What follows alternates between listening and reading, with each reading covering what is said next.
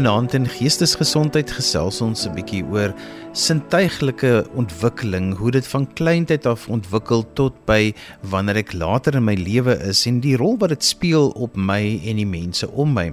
My gas vanaand is bekende ontwikkelingskenner Dr. Melody De Jager.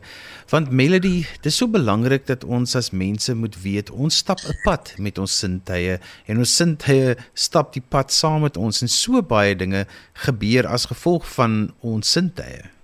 Johan, dit is wonderlik om weer vanaand saam met julle te kuier. Dankie vir die geleentheid. 'n Mens praat altyd van die brein, maar 'n mens en en daar en 'n mens vergeet dat die brein 100% afhanklik is van sensoriese insette. So 'n mens kan net funksioneer as mens ongeag of jy 'n baba is of jy 'n kleuterkind, 'n tiener, volwasse of 'n senior burger is of 'n ouer persoon is. Maar jy jy's totaal afhanklik van jou sintuie om jouself te posisioneer in die lewe. Met ander woorde, om te kan funksioneer in die lewe. En dit is as ons dink aan Helen Keller wat haar haar verhaal so ongelooflik merkwaardig maak, is dit is moontlik om sonder sig en gehoor jouself te vind in jou omgewing. Dit is moontlik, maar dit is geweldig moeilik. So die sintuie is ons kontakpunt met onsself en dan ook met jou omgewing, dinge in jou omgewing en dan natuurlik die wonder van mensdom om ook kontak te kan maak met ander mense. En dwarsteure mense lewe Ongeag ouderdom is jy afhanklik van die werking van jou sintuie. Hoe jonger, hoe meer moet hulle nog ontwikkel, hoe ouer, hoe harder moet ons werk om hulle in stand te hou.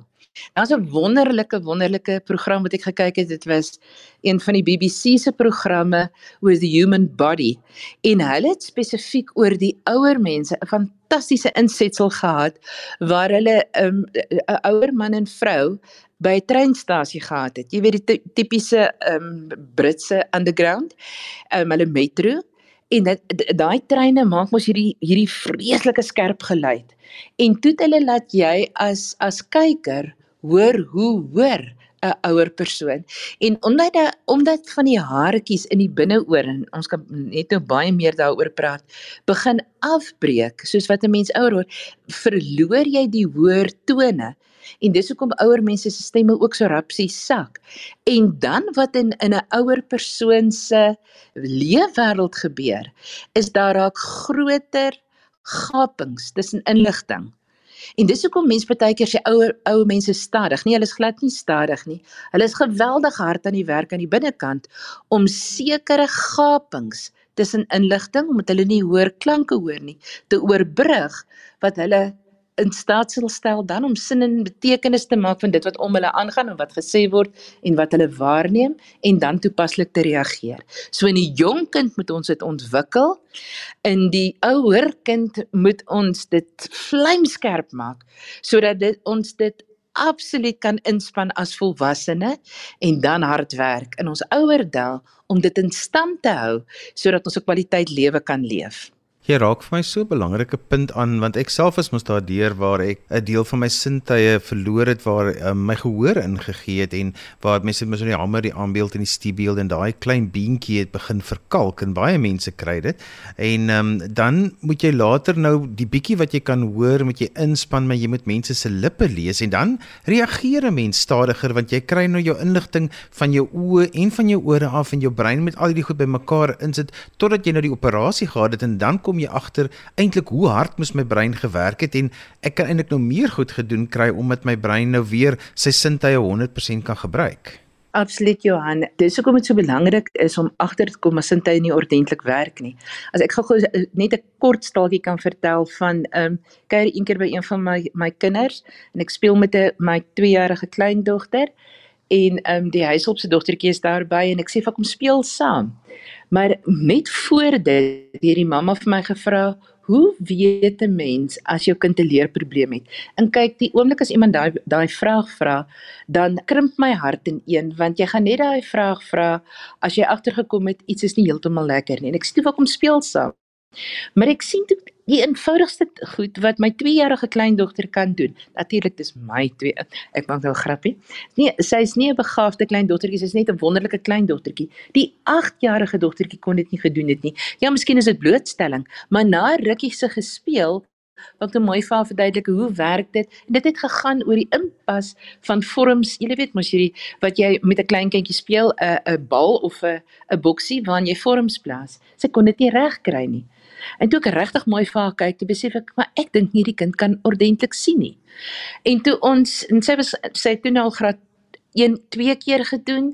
Ek het haar rapport gesien, die juffrou sê sy moet regtig haar sokkies optrek en haar houding verander, want anders gaan sy nêrens in die lewe kom nie.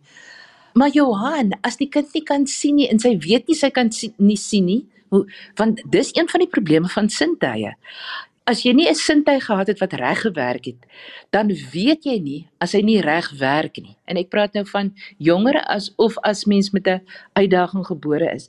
En dis hoekom ons so naby mekaar moet leef en so op mekaar aangewese moet wees en kontak maak met mekaar dat 'n mens kan agterkom, maar hierdie persoon se gehoor is nie so lekker nie. Jy, jy kan dit baie dikwels hoor in hulle praat want ehm um, die die Franse oorneus en keel ehm um, spesialis Alfred Tomatis het altyd gesê die mond kan net sê wat die oor kan hoor.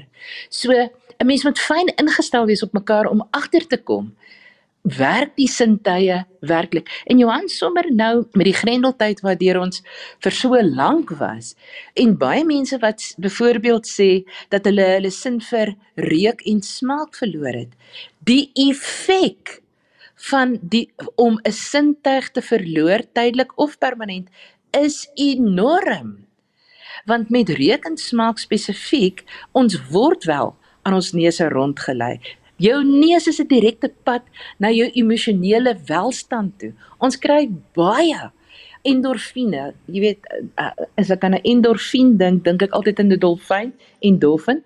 So 'n dolfyn wat spring, daai daai heerlike uitbundigheid wat 'n mens met 'n dolfyn sien, maar maar sonder jou reuk en jou smaak, het dit 'n beduidende effek op jou emosionele welstand. So 'n baie lang antwoord vir 'n kort opmerking, ons sintuie bepaal ons emosionele staat, ons sintuie bepaal ons verhouding met onsself, ons verhouding met met ander en ons omgang in die wêreld wat ons toelaat om suksesvol te wees of meer te sukkel as wat regtig nodig is.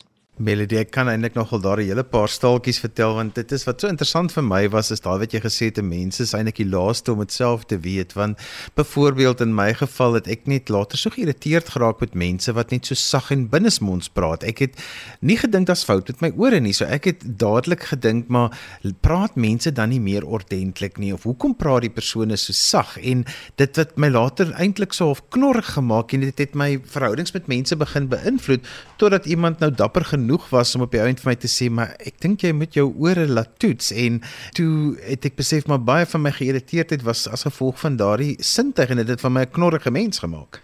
Johan, vir iemand wat in radio werk, moes dit verskriklik wees. Ek weet dit moes vir jou verskriklik gewees het. Ek ons luisteraars ken of hulle selfde brein baie goed wat my kollega is en ons het so gelag die dag toe die vrou na my ore kom toets het en dit is nou eintlik 'n interessante storie.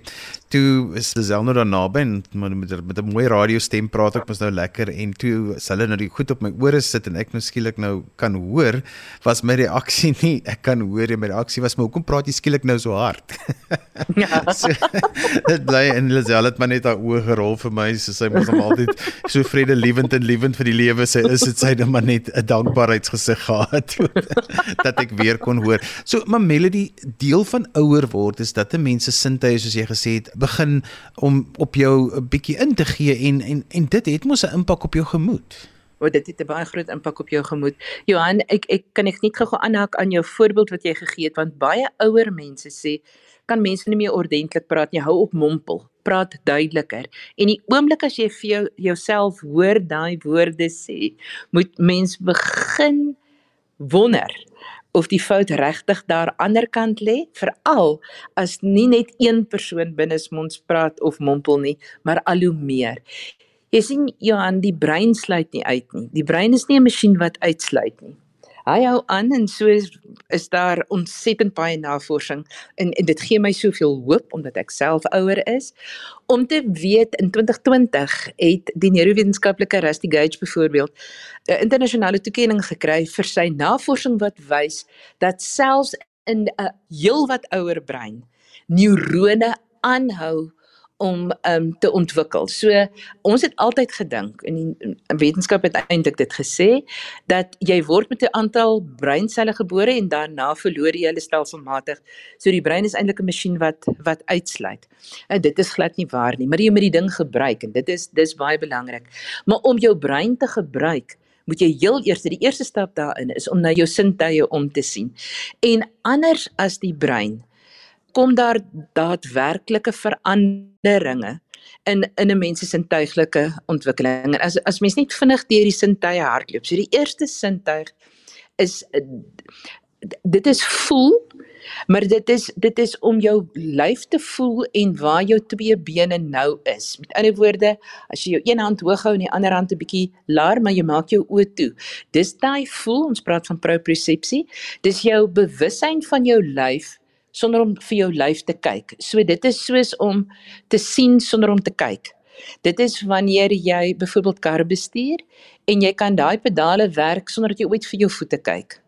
So dit is propriosepsie. Dit is om as jy 'n vrou is byvoorbeeld ander mense ook, um, 'n oorentjie die agterkant van met groot gemak die agterkant van 'n van 'n oorentjie in te druk en allerlei sulke goeters. So dis jou eerste sintuig, is jou propriosepsie, want daai proprioseptore is soos kameras reg oor jou lyf. Dit is in elke spier, dis diep in jou vel, dis nie op die oppervlak nie, dis dieper. Dis in elke spier, dis in elke ligament, dis in elke gewrig. En die doel van daai proprioseptore is om soos kameras vir jou brein inligting te gee oor wat het jy en waar is hulle nou ten opsigte van mekaar. Dit klink vreeslik abstrakt, dis glad nie.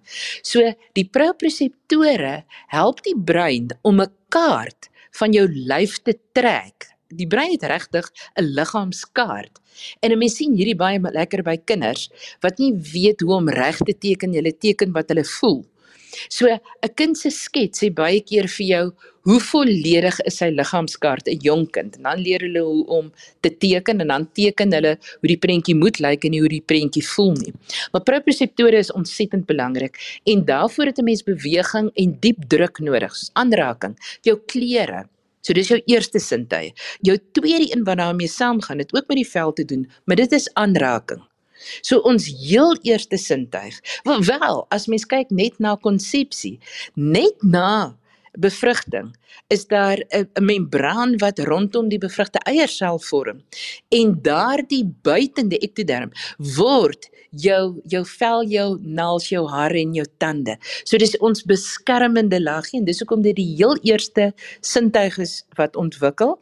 Ehm um, die tweede sintuig, so die vel, sluit propriosepsie en tas in.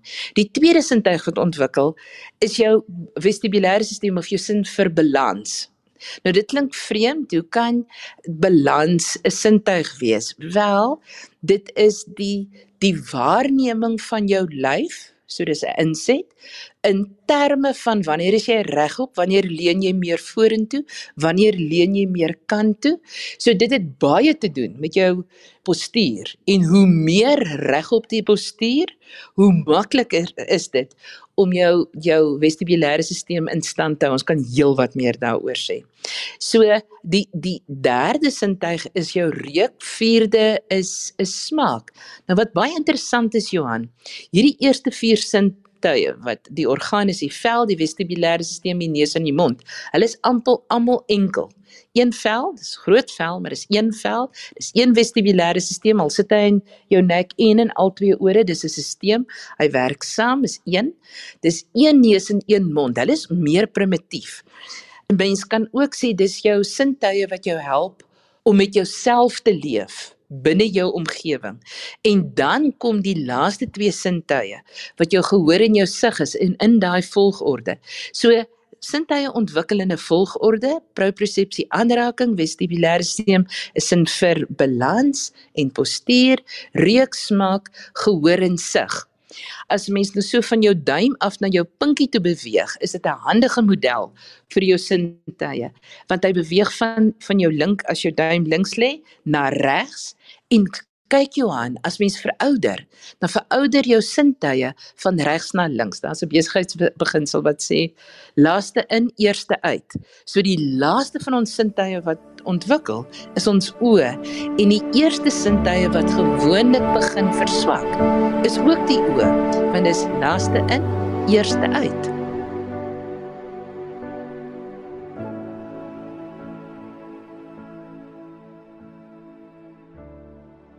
So Melody, jy het nou geduidelik hoe dit deur mense lewe gaan, maar baie van hierdie dinge wat ek later in my lewe mee probleme het, het te doen met hoe ek na my sintuie gekyk het. En dit is mos maar so tande, as jy mooi na jou tande kyk, dan het jy jou tande tot jy eendag oud is, maar as jy nie na jou tande kyk nie, dan het jy probleme. So dis belangrik dat ons moet weet om na ons sintuie te kyk. Nou, ek dink mense weet om na hulle oë te kyk en mense weet om na hulle ore te kyk, maar hulle vergeet dat 'n mens na die ander sintuie ook moet kyk en ook na jou sintuie maatskaplike sisteme.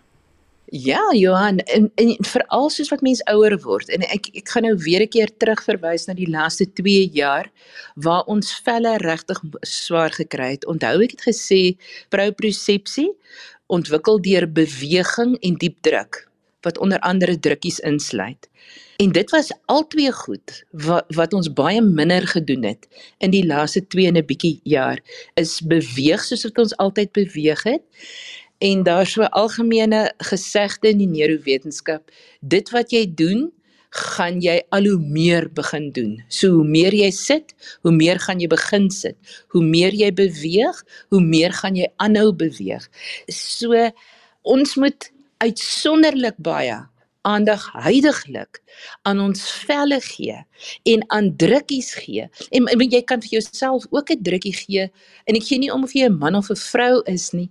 'n Mens moet na jou vel kyk want jy moet onthou, dis die grens tussen jou en jou omgewing. Dis regtig waar. Jou vel definieer jou. Dis sê hier stop jy. Jou hare, jou naels en jou tande werk daarmee saam, maar kom ons bly by die vel vir die vir die oomblik. So wanneer mens was, was met met 'n dit is baie belangrik dat dit lekker ruik vir jou.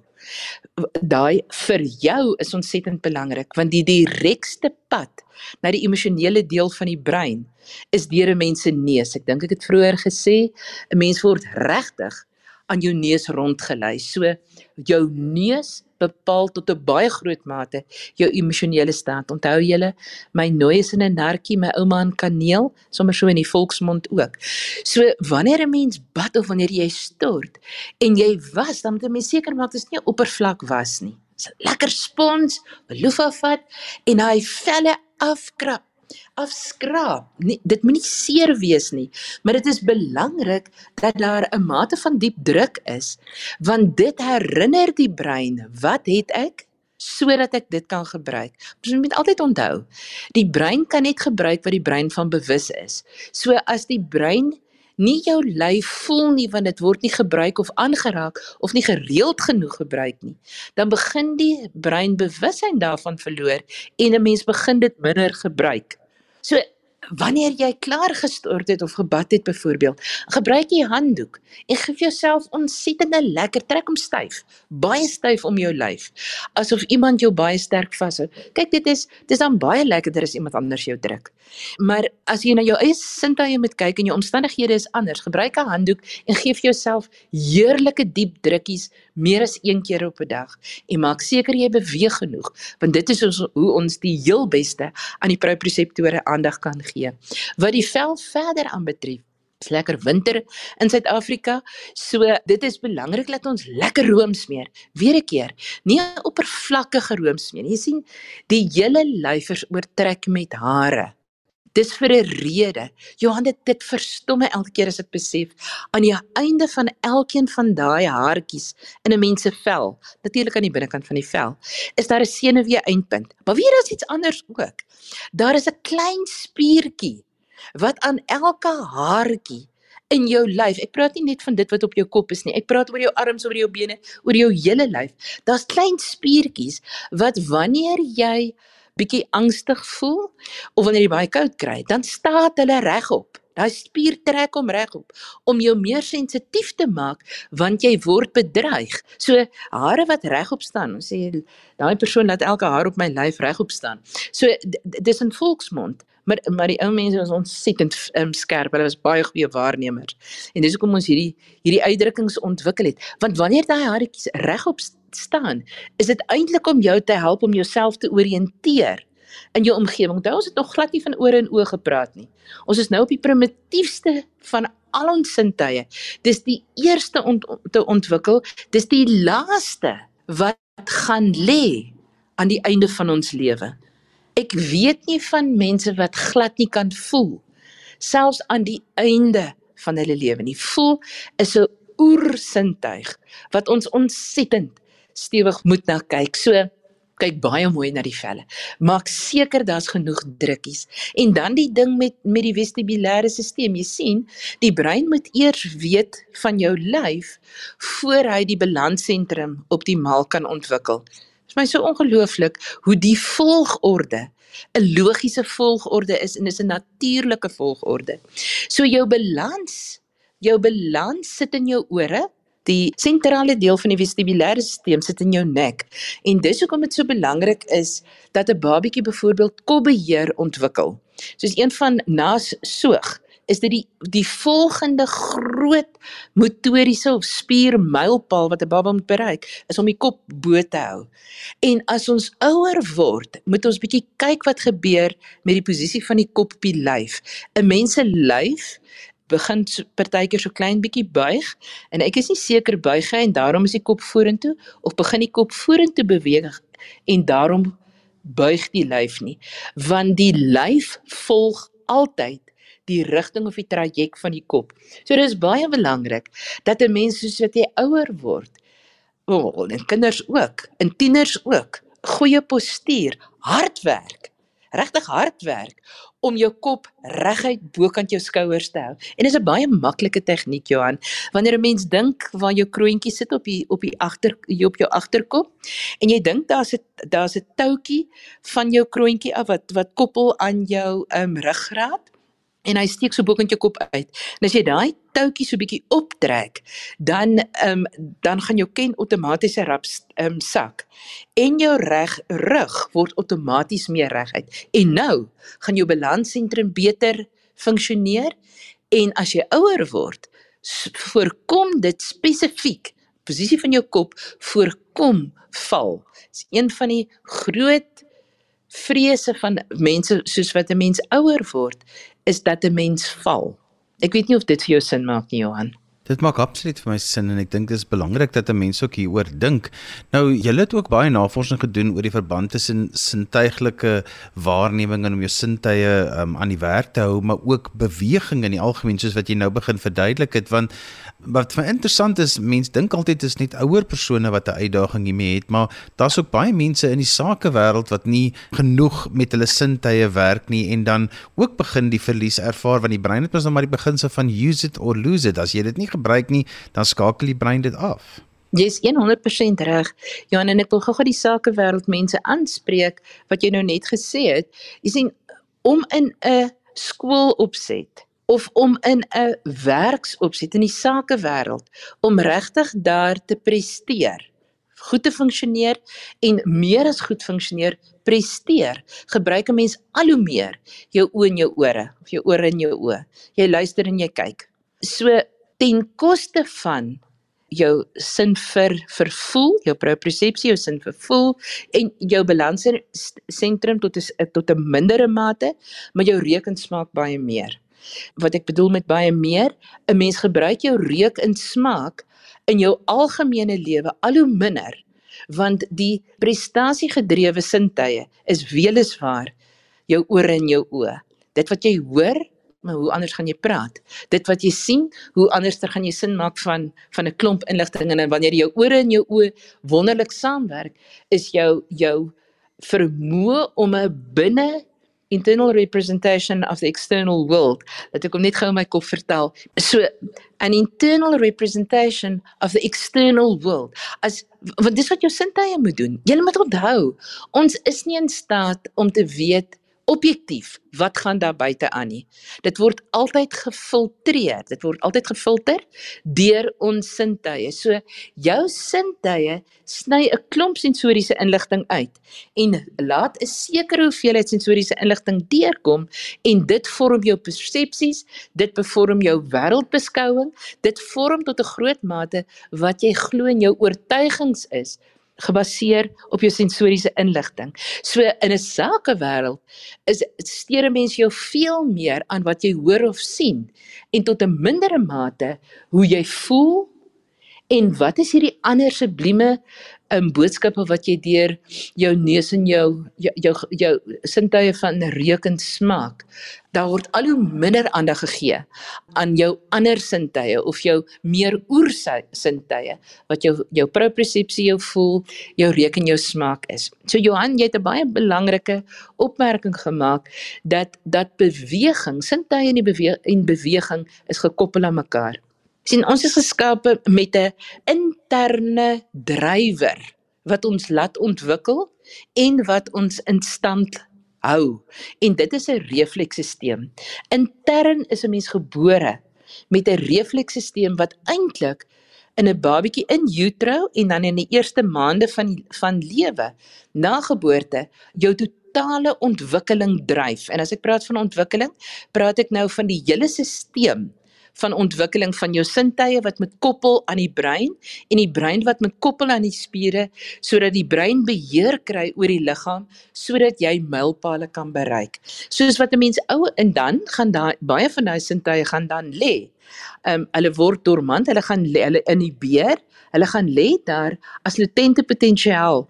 As enige van jou sintuie se paadjie seer kry, dan staan hulle weer op om hulle paadjie te herstel. So so jy kan nie sintuiglike ontwikkeling en spier on, uh, en beweging regtig losmaak van mekaar nie. Hulle is aan mekaar refleksief aan mekaar gekoppel en vir die res van ons lewe neem ons waar met ons sintuie en ons reageer met ons spiere. So by die instituut is ons baie sterk gefokus op die instandhouding van spiere want jy sien die oomblik as jy beweeg Wel, kom ek begin op 'n ander punt. Die neurowetenskaplike Daniel Walpert sê ons het 'n brein vir een rede en een rede alleenlik en dis nie om te dink nie. Hy sê ja, die brein dink, maar jy kan soveel dink as wat jy wil, jy kan geen impak hê. Jy gaan nie oorleef in die wêreld as jy net dink nie. Jy moet jou spiere kan inspann om jou dink uit te leef. So jou vestibulêre stelsel wat een van jou sensoriese stelsels is en jou spiere werk ook saam. So wat interessant is van die vestibulêre stelsel Dit is verantwoordelik vir sensoriese integrasie. Die ouer luisteraars sal miskien onthou jare gelede as mens na 'n uh, um Bruce Lee fliek gekyk het, was die was die vertalings nie so lekker nie. So die mond het aangehou praat en dan sê hy goeiemôre. So so dit wat jy gesien het en dit wat ge, jy gehoor het, het glad nie by mekaar in um, by mekaar gepas nie. En ons praat van sensoriese wanfunksie. Die vestibulêre stelsel is verantwoordelik daarvoor om wanneer jy byvoorbeeld 'n heerlike bord kos voor jou het wanneer daar 'n heerlike bord kos voor jou is om hom te sien, om hom te ruik, om 'n happie te vat en miskien is daar iets wat vars is wat knars as jy byt om al daai sintuiglike sensasies een te maak. Dis die vestibulêre ehm stelsel se werk sodat jy een ervaring het en nie 'n kyk ervaring los van 'n ryk ervaring los van 'n proe ervaring maar daai al daai verskillende sintuie bymekaar te trek sodat jy een ervaring kry sodat daar een ervaring deurgaan na die brein toe sodat jy daaroor kan voel en dink. Maar wat die vestibulêre stelsel ook doen, op pad uit van onthou, sintuie stuur inligting op na die brein toe en die brein stuur um inligting af na die spiere toe sodat 'n mens kan reageer. En tussen die brein en die spier met die inligting wrintieware weer deur die vestibulêre stelsel gaan. En wat eh, en hoekom? Sodat die vestibulêre stelsel kan help met spiertonus. Hoeveel krag het jy nodig om hierdie taak te verrig? Dink aan iemand wat 'n bal gooi. Jy kan hom te hard gooi of jy kan hom te sag gooi. Dink aan mense wat alles so hard neersit. Nee, wat is fout met jou as jy kwaad? Nee, maar hoekom sit jy dit so hard? Hoekom klap jy die deure so? Nee, klap nie die deure nie. So so daar is 'n hardhandigheid wat wat baie keer um in gedrag wys wanneer 'n mens se vestibulêre stelsel en propriosepsie nie lekker met mekaar saamwerk nie en dit het 'n dit het 'n effek op die manier waarop waarop jy beweeg. Johannes, ek 'n insident kan kan deel. 'n um, 'n paar jaar gelede het ek iemand ontmoet wat ehm um, toe ek nog baie klas gegee het in in volwasse opleiding. En ehm um, die persoon het by die by die Mindfulness Instituut het hulle badkamer toe gegaan en ek hoor daar breek glas. En die persoon kom uit en sy's baie baie ontstel want daar het 'n daar het 'n klompie ehm um, kunswerke in die in die toilet ehm um, gehang. En met die dat sy die toilet se deur oopgemaak het het sy hom so woes oopgemaak dat hy teen die kunswerk gestamp het en die glas het gebreek en sy is toe diep ontstel En ehm um, dit was in somertyd gewees en dis belangrik want toe ek nou aan haar arm vat om te sê dit is heeltemal oukei. Okay. Dit is 'n klein stukkie kunswerk. Die kunswerk het nie seer gekry nie, maar dit gaan ons R20 vat kos om daai glas te herstel. Toe toe kyk ek vir haar arm en ek sien my genade, maar sy het geen hare op haar arms nie. En ek ek sê te vir haar, "Jette maar, jy het 'n baie gladde vel." Nou dit het niks met met die badkamer storie uit te waai nie. Dit het alles daarmee uit te waai. En toe sê sy vir my, sy kan nie die sensasie van van hare op haar vel hanteer nie. So sy waks haar hele lyf om van al die hare ontslae te raak en toe gaan die lig vir my op. So eintlik die haartjies op 'n mens se vel sensitiseer jou sê vir jou brein wat gaan waar in my lyf aan? om jou proprioseptore te stel saam met jou vestibulêre stelsel sodat jy die deur op die regte manier oopmaak sodat jy die glas nie te hard neersit nie of verstaan jy daai daai wat baie keer soos boelie gedrag oorkom selfs in kinders is baie keer nie regtig boelie gedrag nie. Dis 'n wanfunksie tussen uh, meer as een van die sensoriese sisteme wat maak dat 'n mens amper ontoepaslik optree.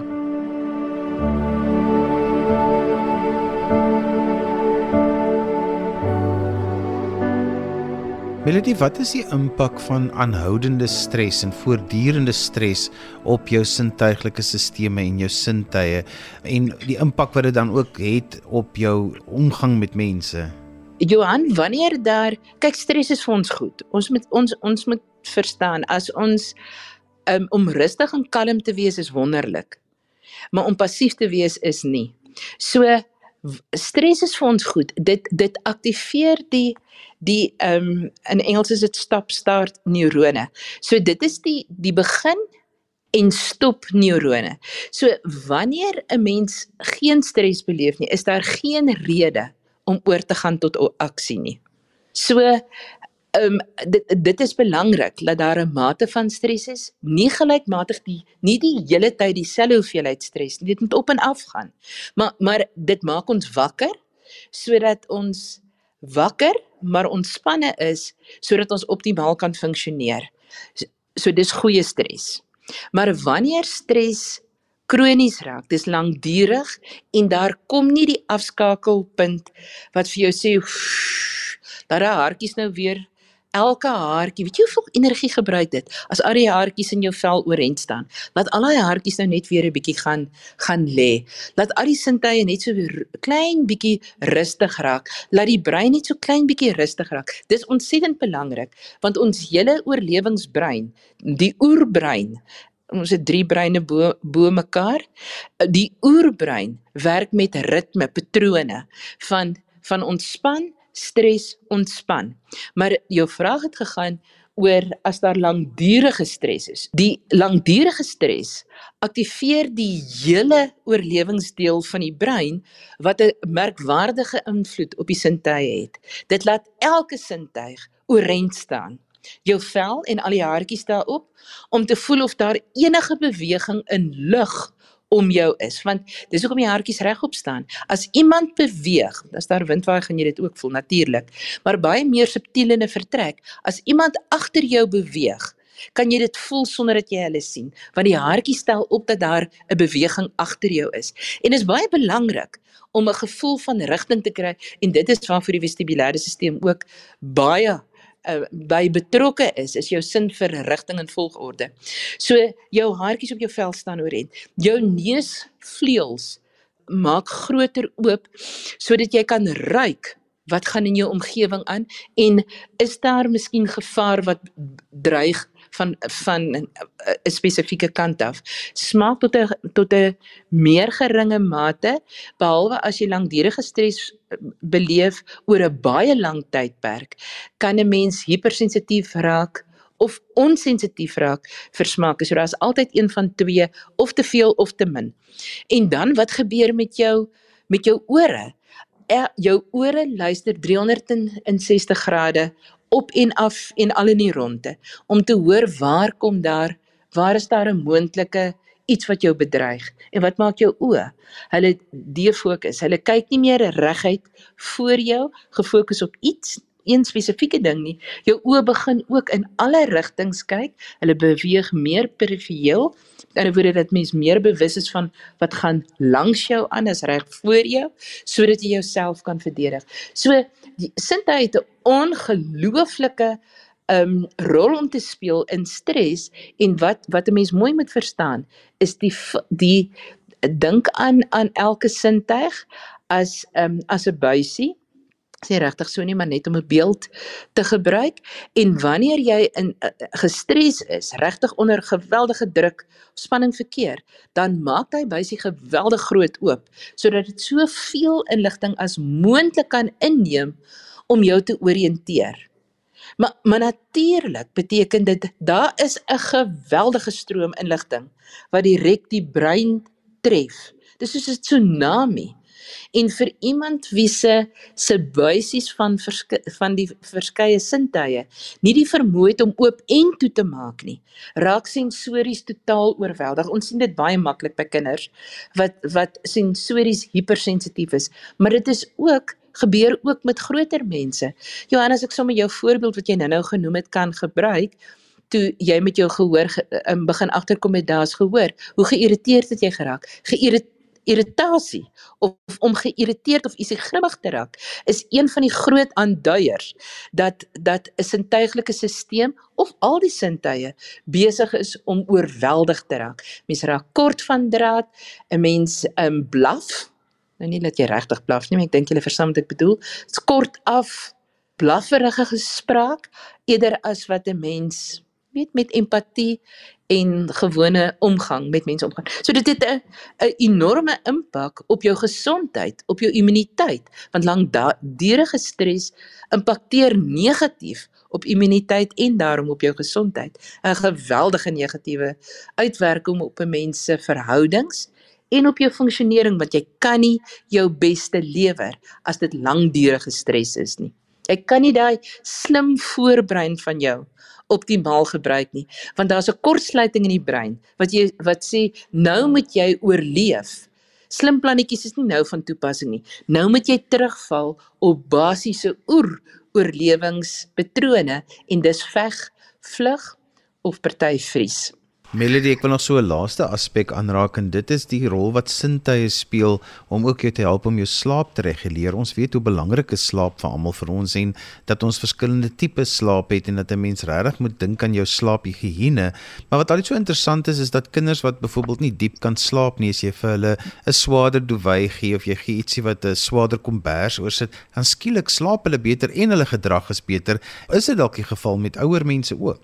Baie beslis Johan, daai gewig aktiveer die proprioseptore sodat jy kan voel jy's veilig op jou bed.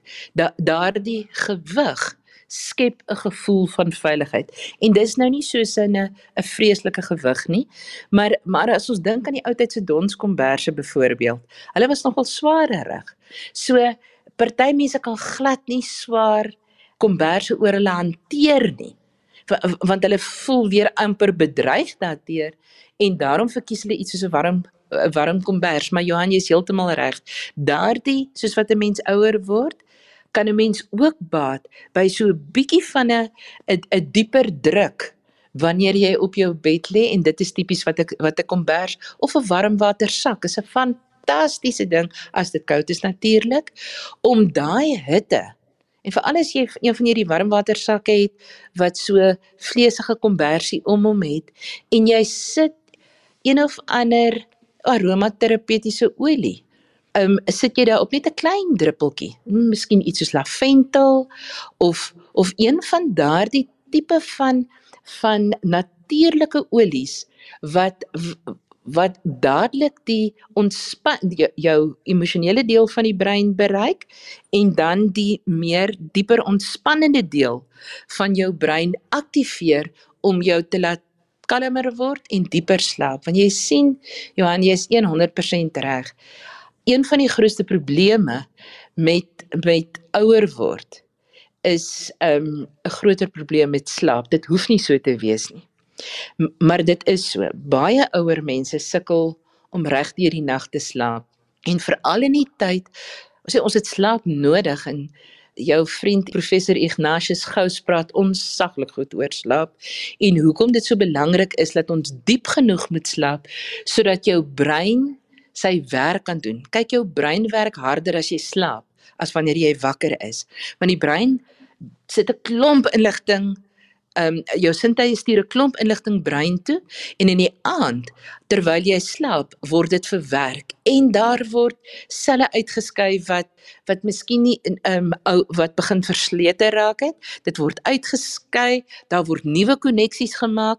Tussen inligting wat jy in die dag bymekaar gemaak het. So so die tweede deel van die nag se slaap is tipies wanneer ons dieper moet slaap. En dis tipies die tyd wanneer ouer mense begin wakker word en dan moet hulle 'n draai gaan loop Maar die draailoop is eintlik die verskoning. Dis omdat jy wakker geword het dat jy 'n draai moet gaan loop. En as jy nie goed geslaap het nie, dis 'n siklus. Dit is 'n nimmer eindigende spiraal. As jy nie goed geslaap het nie, staan 'n mens moer op. Jou sintuie werk nie optimaal nie. Jy voel nie lekker nie. Jy's te bang om 'n middagslaapie te vat want dan gaan jy nie vanaand kan slaap nie. En dan is daar die hele vreesfaktor wat in inspring en 'n mens se slaap verder um, eintlik nie helder. By die Mindfulness Instituut het ons 'n baie baie lekker tegniek wat reuk onthou altyd is baie belangrik. Rotine want die brein hou van ritmes en patrone en voorspelbaarheid. As jy elke aand op dieselfde tyd gaan slaap, dan leer die brein hierdie is die tyd wanneer ek moet afskakel. En dan wanneer jy uh, in jou bed lê, dan kruis kruis jou voete Jy kan op jou rug lê, jy kan op jou sy lê, net nie dan op jou maag nie. En dan kruis jy jou hande. Wel, dit is baie lekker as jy jou arms reguit voor jou sit en jy draai jou hande uit. Met ander woorde, palms na buite. En dan kruis jy jou hande sodat palms nou teen mekaar is en jy vleg jou vingers. So nou het jy so koeksuster hier voor jou en dan as jy kan, buig jou arms in. As mens heelwat ouer is, raak die spiere bietjie styf en hierdie inbuig is 'n klein bietjie moeiliker. Ons gaan nou-nou praat hoe kan jy dit anders doen. So jy het gekruiste voete, jou arms is gekruis en ingebuig, so jou hande uh, met gevlegte vingers is nou hier onder jou ken. Jy draai op jou sy en jy sit jou tong op jou hoof verhemelte. Kyk hierdie sensoriese inligting. Dis aanraking, aanraking, aanraking, aanraking, beweging. En nou begin jy net tong op verhemelte want volgens die ehm um, neurofisioloog Carl Hannaford is die emosionele deel van die brein net bokant jou palet. So wanneer jy jou tong teen jou verhemelte druk, aktiveer jy die limbiese stelsel wat sê alles is wel. Jy kan rustig raak en kalm raak. En dan is jou enigste fokus nie die skape tel nie. Laat jou enigste fokus wees om so stadig en ritmies as moontlik asemhaal. As jy ouer is en jou hande kan nie so inbuig nie, dan vou eenvoudig net hou net jou hande vas voor jou bors met jou hande naby jou jou jou ken area sodat jy self amper 'n drukkie gee terwyl jy op jou sy lê, maar met jou voete moet gekruis wees. Die die die belangrike ding is tong op die op die verhemelte sodat jy die limbiese stelsel of die emosionele deel aktiveer en dan ritmies en stadig asemhaal. Dit laat jou hele sensoriese stelsel kal dit kalmeer jou hele sensoriese stelsel. Dit kalmeer jou spiere Dit skakel die brein se se stadiger golwe aan sodat 'n mens dieper en beter kan slaap en môreoggend verkwik kan opstaan.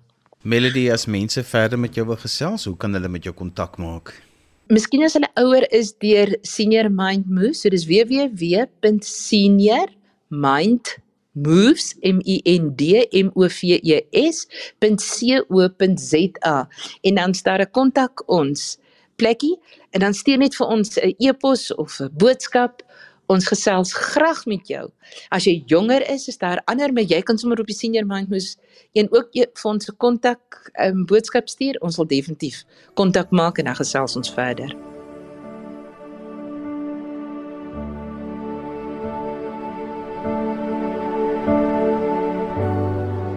En daarmee is gekom aan die einde van vanaand se geestesgesondheid. Onthou jy kan weer na vanaand se program luister as 'n pot gooi en laai dit af by resgep.co.za. Skryf gerus vir my 'n e e-pos by Johanvanlull@gmail.com en onthou daai Johan het net een N. En daarmee groet ek dan vir vanaand. Kyk mooi na jouself. Tot volgende keer van my Johan van Lill. Totsiens. thank you